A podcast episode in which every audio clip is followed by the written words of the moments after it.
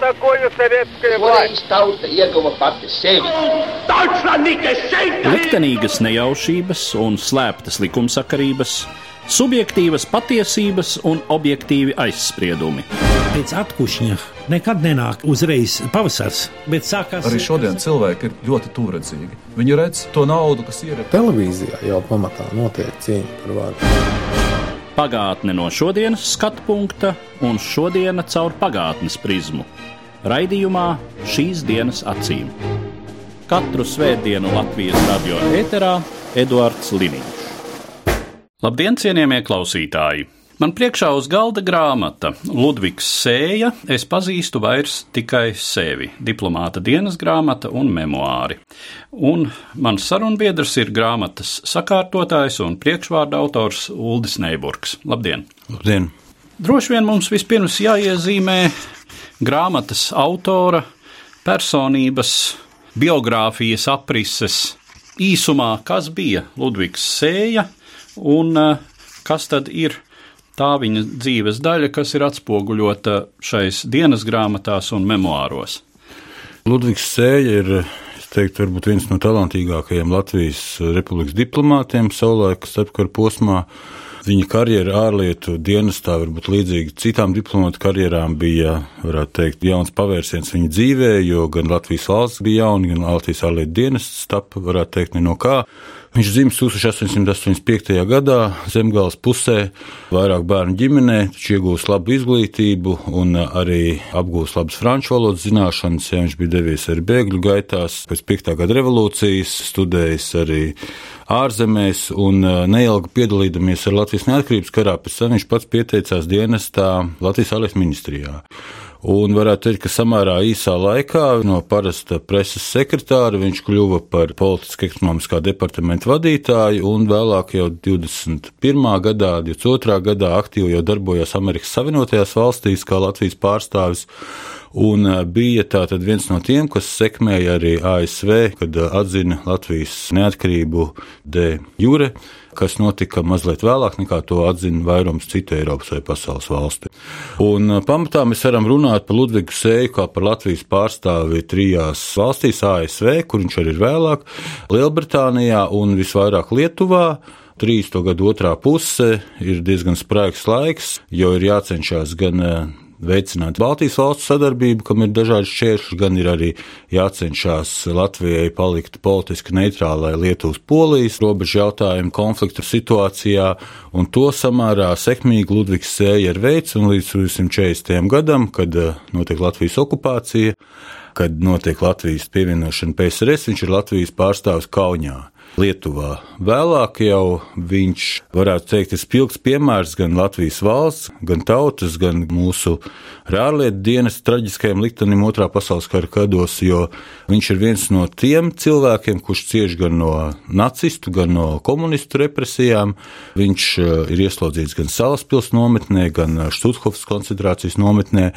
Viņš pārdzīvo arī dažādus cietumus Padomu Savienībā, Lefortovu un citus, un tāpat arī Gulaga nometni Pečorlagā, un kopā viņš ir šķirts no dzimtenes vairāk kā desmit gadus. Karš un okupācijas izšķir arī viņa ģimeni. Es domāju, šī grāmata ir tāds, varētu teikt, piemineklis gan pašam Ludvigam Sējam, gan tāds vēstījums par to laiku mūsu laika paudzēm, un gan ļoti tāds faktoloģiski bagāts, gan emocionāli piesātināts stāstījums par laiku no 1941. līdz 1961. gadam. Kā vispār šis sākotnējais materiāls, tātad pieraksti, kā tas tika kompilēts, Lasot grāmatu, var konstatēt, ka daļa materiālu atrodas Latvijā, daļa atrodas Savienotajās valstīs, Hoovera institūta arhīvā. Kā šī grāmata ir tapusi no tā pirmmateriāla apstrādes viedokļa? Šai grāmatas tapšanas stāsts ir ļoti interesants un saudabīgs. Ja pirmkārt, jau jāsaka, ka Ludvigs Sējs savā dzīvē ir rakstījis vairākas dienas grāmatas, un pats viņš to atzīmē. Viņam bijis ar dienas grāmatu par viņa ārlietu darbības posmu, taču to viņš ir iznīcinājis pēc Baltijas valstu okupācijas, atrastamies Kaunijā, baidīdamies, ka padomi okupācijas varas iestādes kaut kādā veidā varētu to izmantot. Šī dienas grāmata, kas ir rakstīta Vācu okupētajā Latvijā no no 41. līdz 44. gadam to viņš ir saglabājis visdrīzāk pie viņa tuviniekiem kara laikā, jo viņu apcietināja 44. gada pavasarī, un mums precīzi ziņu nav, bet es šaubos, vai viņš viņu izvadāja caur Salaspili, Štuthofu, Poliju un pēc tam Krievijas lēģeriem. Un otrs ir atmiņas, kas ir arī par laiku no šī 41. gada jau līdz 61. gadam, kas jau ir rakstīts nometnējumā Vetlosjānā, kad viņš ir piecus gadus pavadījis tajā Pečorlaga komijā APSR nometnē. Vēlāk viņam neļauj atgriezties dzimtenē, viņš te brauc tikai atvaļinājumos vairākas reizes. Un tad viņš ir uzrakstījis šo atmiņu manuskriptu, ko viņš acīm redzot, pēc tam ir atvedis atgriežoties Latvijā 50. gadu beigās. E, šos abus manuskriptus saglabāja Kalniņa dzimta, Roberts un Ingrīda Kalniņa, kas diemžēl ir jau viņā saulē. Ingrīda bija vienas no Ludvigs Sējas sievas māsas. Viņai bija divas māsas, viens no māsas meitām. Savā mājā un dzīvoklī Ludvigs Sēja nevarēja atgriezties, un e, viņi arī bija tie, kas deva patvērumu viņam istabiņu, kad viņš atgriezās šeit Latvijā līdz mūža beigām, ja 1962. gadā. Un šie tuvinieki saglabāja šos unikālos pierakstus. Viņi tika nosūtīti padomu laikā jau vēlāk Ludvigs Sējas sievai e, Hertei uz Ameriku. Viņi bija tur. Un, uh, tad mums jāpiemina obligāti tāds cilvēks, arī kā nelaiķis vēsturnieks Induls Ronis, kurš bija ļoti aktīvs atmodas laikā, kuram bija iespēja iepazīties ar Ludvigas sējas kriminālu lietu, mūsdienu Krievijas Federālā drošības dienesta arhīvā. Un viņam izdevās 90. gadu sākumā satikt Ludvigas sējas meitu, Mirdzu, Kalifornijā, kur tur bija dzīvojusi pēckara gadus kopā ar savu māmu un viņš no viņas dabūja šos pierakstus. Tādējādi, pateicoties Indulim Ronim, viņi nonāca Hoover institūta arhīvā Stanfordā, kur ir gan Induļu Roņa atsevišķs fonds ar zināmiem dokumentiem, gan Ludvigs Sējas fonds, kur ir glabājas, piemēram, arī viņa vēstules no Šutkovas koncentrācijas nometnes, citi materiāli un saraksti. Un šis manuskripts šaurā vēsturnieku lokā Latvijā bija zināms. Viņš bija pārrakstīts jau savulaik Latvijas vēstures institūtā mašīnu drukā, taču kā tāda vērtīga liecība viņš vēl netika izmantots vismaz publiski. Un paralēli tam arī kolēģis profesors Eriks Jēkabsons, kurš ļoti aktīvi pēdējos gados ir strādājis Stanfordas Universitātē un Hoover institūta arhīvā Kalifornijā, viņš arī uzgāja šos pierakstus tur, pārfotografēja. Un uh, kopīgi mums sadarbojoties ar apgādu lauku avīzi, mēs nonācām pie slēdziena, ka šis būtu ļoti labs materiāls publikācijai. Tā kā nu, varētu teikt, pa dažādiem ceļiem šī grāmata ir sasniegusi beidzot lasītāju. Es domāju, tas ir ļoti svētīgs darbs izdarīts arī tādā ziņā, ka pats Ludvigs Sēja savā piezīmēs raksta. Viņš cenšas atbildēt jautājumu, kāpēc viņš raksta šo dienas grāmatu, kāpēc viņš raksta šīs atmiņas. Viņš raksta, ka tas palīdz viņam uzturēt saikni ar tuviniekiem, ar sievu, ar trim bērniem. Viņam ir vēl divi dēli, kas nonāk pēc otrā pasaules kara Austrālijā, kurus viņš arī vairāk nekad nesatiek reāli dzīvē. Un šī emocionālā saikne viņam ļoti svarīga. Un tāpēc viņš stāsta viņiem, kas ar viņu notiek, kas ir noticis. Un uh, vienlaikus viņš saka, ka viņš cer, ka varbūt ar zināmas atziņas, ko viņš savā atmiņā un vērojumos pasaka, ka tie kādreiz būs arī noderīgi viņa tautai kas varbūt to varēs lasīt, izvērtēt šo laiku. Mēs varam teikt, ka tagad nu, jau gandrīz pusgadsimtu kopš eh, atmiņu beigu stāstījuma šī grāmata ir iznākusi, un mēs šo Ludviga sēnes novēlējumu esam eh, izpildījuši. Man ir liels prieks, ka grāmata, cik es zinu, tiek diezgan labi pirkta, ir lasītāja interese par to, un tiešām jauki, ka tas mums ir izdevies kopā ar apgādu lauku avīzi. No vēsturnieka viedokļa, cik šis materiāls ir vērtīgs, cik tas ir nozīmīgs kā pētījuma avots? Pirmkārt, jau jāsaka, ka šāda ranga valsts vīru dienas grāmatas un arī atmiņas nav jau nemaz tik daudz. Mēs zinām, ir piemēram bijušā sabiedrisko lietu ministra Alfrēda Bērziņa memoāri, divi ir publicēti trimdā, un arī tagad otrie nepublicētie iznāca tepat Latvijā. Vēl atsevišķi citas piezīmes ir kaut kādi padomu laika, tur Vilhelma Muntera propagandas sacerējumi izdoti, bet nav nemaz tik daudz šāda veida liecības un no cilvēka, kurš ir pārdzīvojis abu totalitāro režīmu represijas. Un tas arī ļoti spilgti parādās šajā dienas grāmatā, kur Ludvigs Sēja raksta, kādi ir apstākļi, piemēram, te pašā Štuthovas koncentrācijas nometnē, kādi apstākļi ir Krievijas cietumos, Lubjankā, Ļefortovā un citur. Un tas ir ļoti vērtīgs tāds vēstījums, kas mums palīdz izprast to situāciju blakus oficiāliem tā laika dokumentiem un tā tālāk.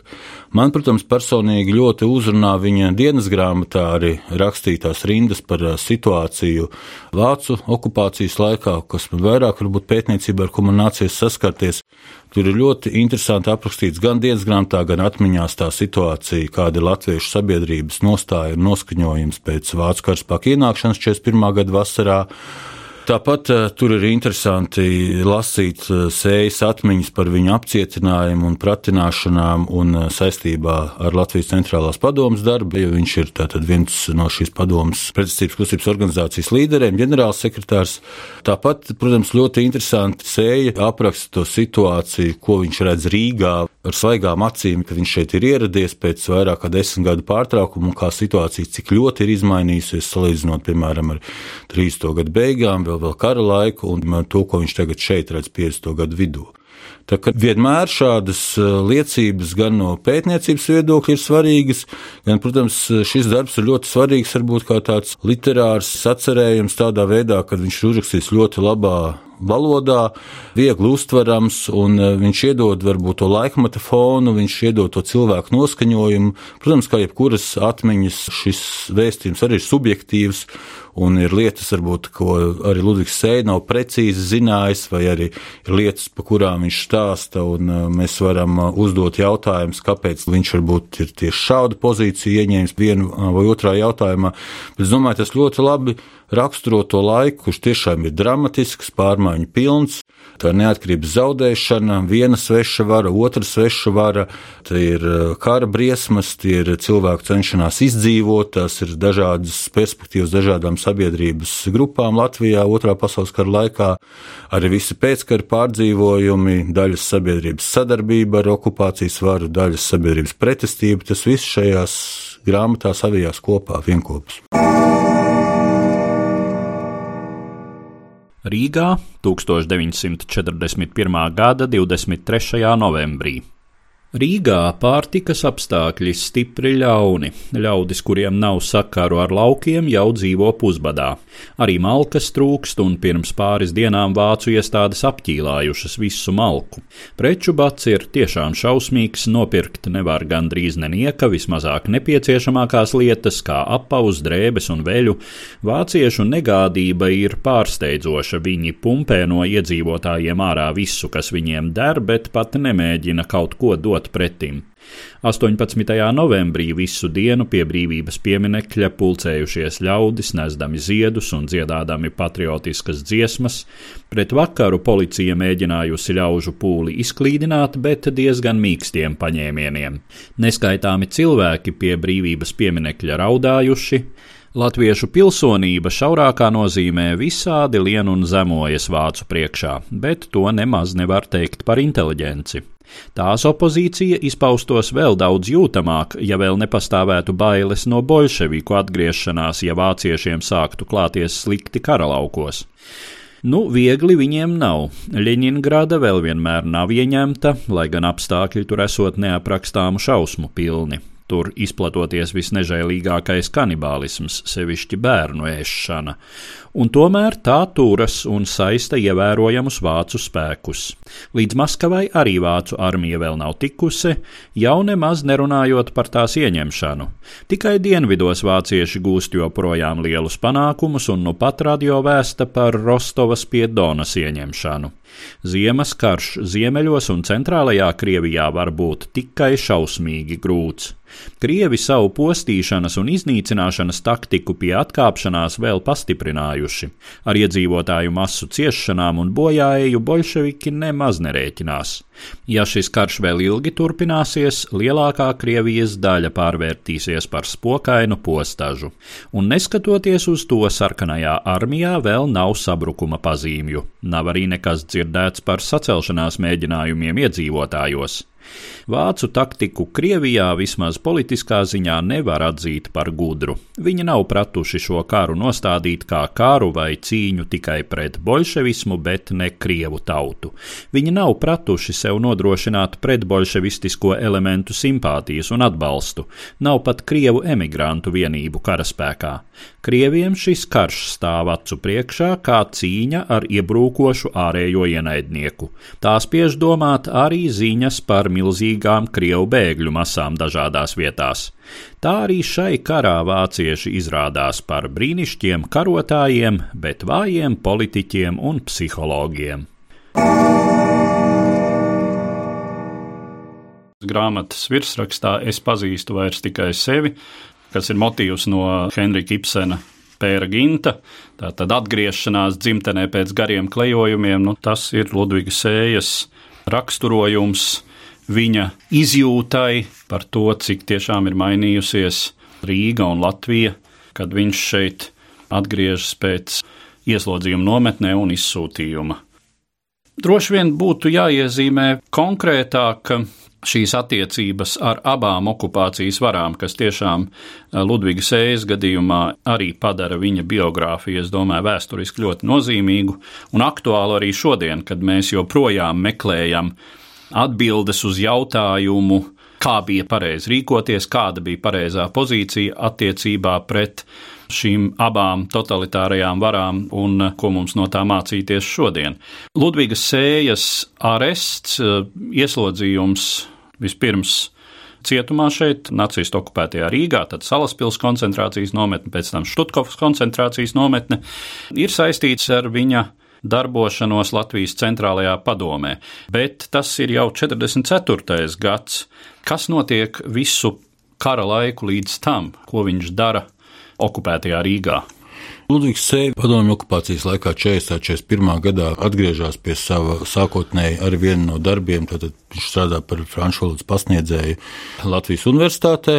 Vācu okupācijas laikā viņš ir viens no tiem sabiedrības pārstāvjiem sākotnēji, kas arī lolo ilūzijas par kaut kādu vismaz, ja ne neatkarības atjaunošanu, tad ierobežotas suverenitātes atgriešanu, par kaut kādu ārlietu resoru darbības atjaunošanu vismaz ierobežotā veidā, bet kā viņš to pats apraksta, tas viss cieši krahu un neveiksmi. Un viņš tāpat eh, turpina darboties universitātē. Paralēli viņš arī brauc uz savām lauku mājām, rūpējas par savu ģimeni. Un eh, mēs varam no dažādām epizodēm nojaust, piemēram, kāda tad eh, šī dzīve kara laikā Rīgā ir, kur ir gan pārtikas trūkums, gan dažādas citas parādības.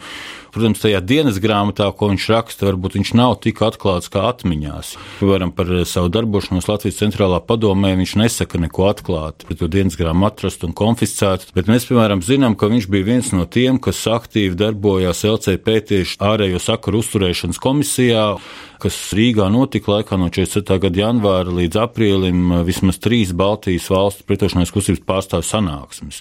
Vismaz kādi no tām arī Ludvigs Sējas dzīves vietā iespējams, kā to dažādas liecības saka, un viņš bija ļoti aktīvs arī šo LCP politisko dokumentu izstrādāšanā, diskusijā par Baltijas valstu kaut kādu ciešāku sadarbību, un kā mēs zinām, viņa vārds zem 50. kārtas numura ir atrodams arī 47. gada martā tapušā pēc LCP iniciatīvas 188 Latvijas sabiedrības politisko darbinieku memoranda. Runājot par tālāko Ludviga sējas likteni, kara pēdējo gadu viņš pavada ieslodzījumā nacistu koncentrācijas nometnēs, un tad padomju okupācijas zonā Vācijā, kur viņš meklēja iespēju apvienoties ar ģimeni, kas ir nonākusi arī Vācijā Jā, nu viņa sieva Herta brīnumainā kārtā tikai pārdzīvo Dresdenes bombardēšanu, bet Viņiem, diemžēl, nav lemts satikties, un arī dēli nonāk Austrālijā. Vecākais dēls Juris arī tiek mobilizēts Latvijas leģionā, kas ir tāds interesants fakts. Ir,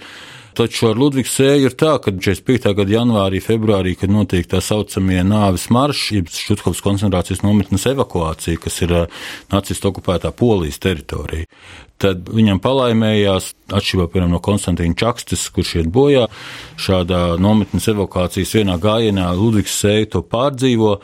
Taču viņš ir ieslodzīto grupā, kur poļu vietējie partizāni atbrīvo vai kur vācu apsardze jau tur ir pametusi. Un jā, viņš atrodas šajā padomju okupētajā teritorijā. Un viņš meklē dažādas iespējas, viņš nonāk arī Varšavā, viņš sazinās neoficiāli arī ar ASV vēstniecības pārstāvjiem, ar bijušo ASV pārstāvu Rīgā, kurš te ir bijis.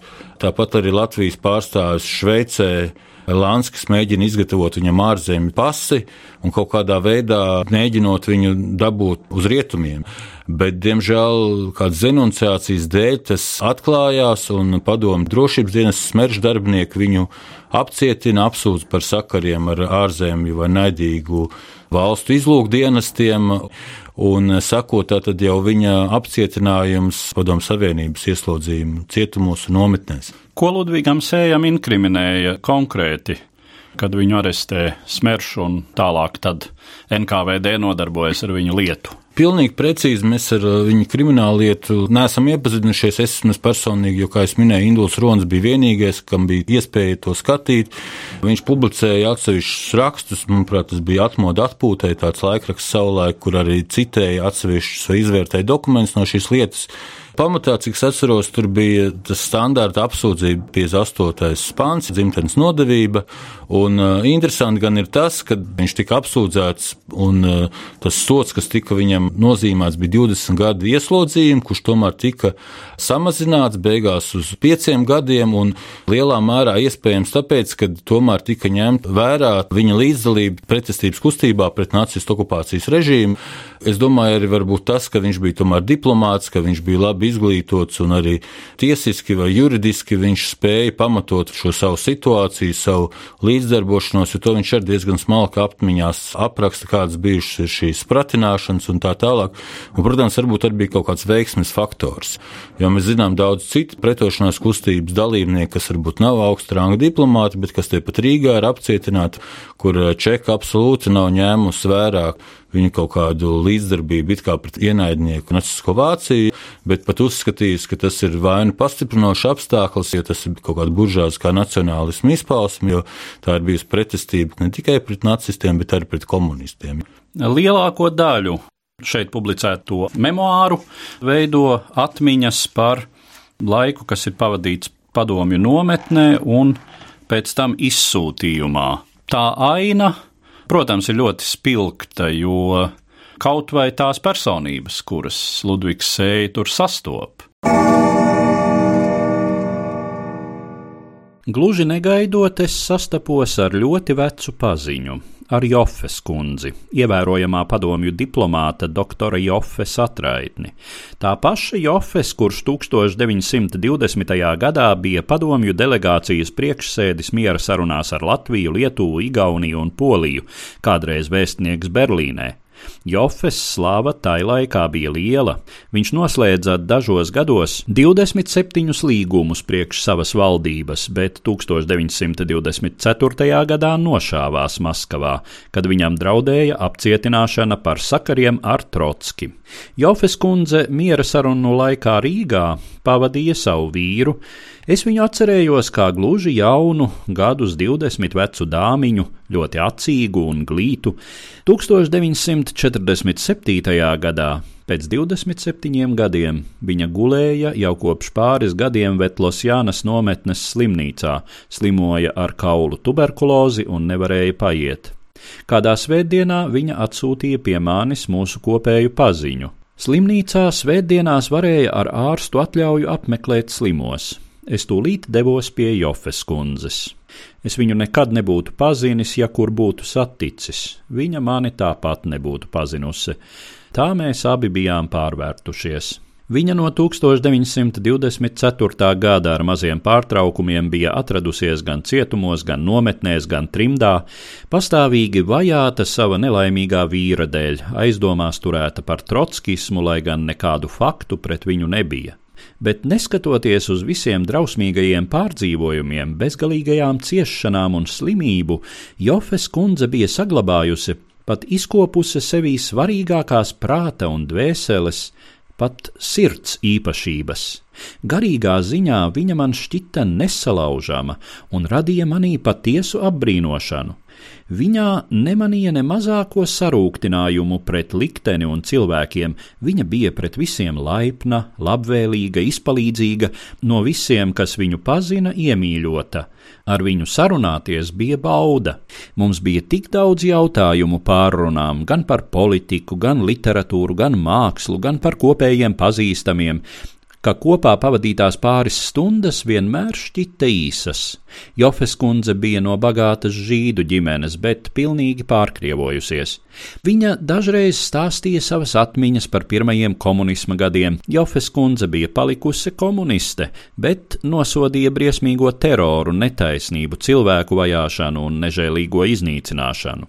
1950. gadā Jofes kundzi aizveda uz Vorkutu, kur viņu pēc dažiem gadiem atbrīvoja. Pamazām viņas veselība uzlabojās, bet gluži vesela viņa nekad nebija.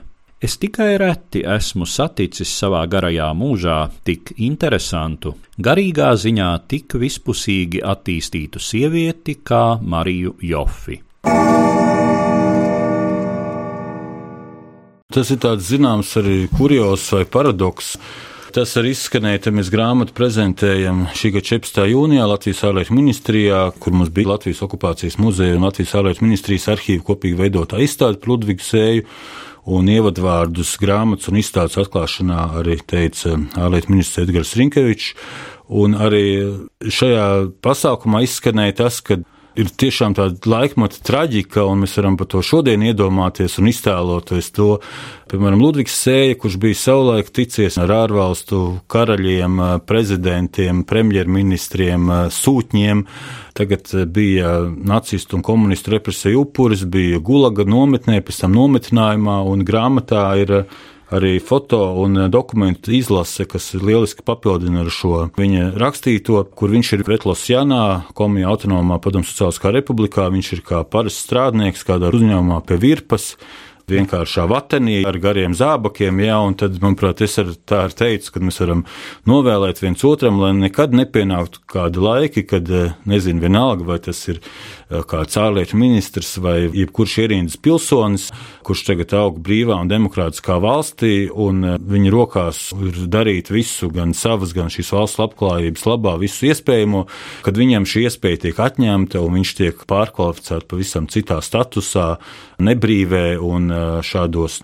apstākļos. Un es domāju, ka Ludvigs Sējas gadījumā mazāk varbūt tur bija tādas fiziskās pārestības, jo viņš tomēr gados ar vecāks, viņam ar veselību nebija laba, un viņam vairāk tika uzticēta tur kāda mākslinieca pašdarbnieciskā pulciņa vadīšana vai pāraudzīšana.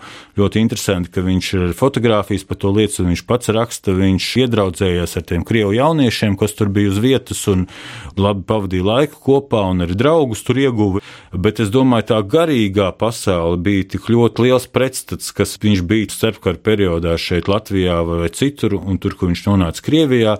Un, protams, visi citi pārdzīvojumi, ģimenes zaudēšana un arī valsts zaudēšana. Un viņš pats, piemēram, savā atmiņā ir piezīmējis rakstu, kad viņš pats brīnās par sevi, ka viņš neskatoties uz visām pārstībām, gan fiziskām, gan īpaši garīgām, viņš ir spējis saglabāt sevī cilvēciskumu un spējis ir saglabāt ticību nākotnē un izturēt. Tiešām es ieteikšu grāmatu lasīt, un uh, tāda veida varbūt emocijas un pārdzīvojumi, kur savijās kopā gan valsts liktenis, gan visas sabiedrības 20 gadu garumā gaitas, un arī personīgie privātie pārdzīvojumi ilgus pēc ģimenes, pēc uh, sievas, bērniem. Es domāju, gan emocionāls, gan uh, intelektuāls līdzpārdzīvojums ir garantēts iepazīstoties ar šo izdevumu. Tas pieminētais moments, kas man arī iekrita prātā, lasot, un šai grāmatā ir ievietota viena fotografija, kurā šis jau gados nebūtu ne jaunais kungs ir tādu izteikti jaunu cilvēku vidū un visnotaļ kā savējais. Vispirms jau jāsaka, ka Ludvigs Sēja bija pedagogs. Tā ir viņa pirmā profesija. Viņš privāti pasniedza gan franču, gan angļu valodu, būdams nometinājumā kas šos jauniešus varēja interesēt. Un arī es tā domāju, vispār viņš kā cilvēks no gluži citas pasaules. Varēja būt šiem jaunajiem cilvēkiem ārkārtīgi interesants. Protams, un būdams diplomāts, gan jau viņam bija pietiekami daudz arī diplomāta spējas, piemēram, Ilza Kalniņa, kur ir eh, Roberta un Ingrīdas Kalniņa meita, un pateicoties kurai arī Latvijas okupācijas muzejā ir nonācis tagad Ludvigas sējas privāta arhīvs vai šī arhīva daļa, kas atradās Latvijā, Rīgā. Viņi, piemēram, atceras no vecāku stāstiem, kad bija divas Ludvigs Sējas sievas māsas, kas bija Rīgā, un, ja bija domstarpības par kādiem jautājumiem, tad, kā Ilza stāstīja, kad eh, Ludvigs ir palicis, kā saka, diplomāts līdz eh, pēdējai vīlītei, ka viņš nekad māsu konfliktos nav iejaucies, nekad nav nostājies vienā vai otrā pusē, nu, tā kā es domāju, tā ir tā dzīves pieredze kas arī varbūt ļāva viņam tādam palikt līdz pat eh, mūža beigām. Un interesanti, ka mums izdevās uzņemt kontaktus arī Austrālijā dzīvo Ludviga Sējas mazdēls. Eh, Juris vai Džordžs Ludvigs Sēja, kurš arī bija ļoti priecīgs par šīs grāmatas iznākšanu, ko mēs viņam arī aizsūtījām. Un eh, Kalifornijā ir arī dzīves, ar ko mēs arī uzņēmām kontaktus, Ludvigs Sējas meitas Mirdzes Krusdēls, pie kura arī ir materiāli, piemēram, viņa saraksta ar meitu Mirdzu, un tāpat Austrālijā ir saraksta ar dēliem Juri un Andri, un iespējams šie materiāli arī tuvākā nākotnē nonāks ar mums Latvijas okupācijas muzeja krājumā, tā ka šī grāmata, es domāju, ir tāds labs impulss arī paskatīties uz mūsu vēsturi caur šo personību, arī plašāk papildināt muzeja krājumus, izmantot šo vēstījumu arī okupācijas muzeja jaunajā ekspozīcijā nākotnes namā. Un, Jāsaka, tiešām paldies Ludvigam Sējam, kad viņš šādu vēstures liecību aiz sevis ir atstājis nākamajām paudzēm. Ar tādu secinājumu tad es arī gribētu noslēgt mūsu sarunu, kas bija veltīta Ludviga Sējas dienas grāmatu un atmiņu publicējumam, un es saku paldies manam sarunbiedram, vienam no grāmatas veidotājiem, vēsturniekam Uldim Neiburgam. Paldies! Katru svētdienu Latvijas radio viens par pagātni sarunājas Eduards Līniju.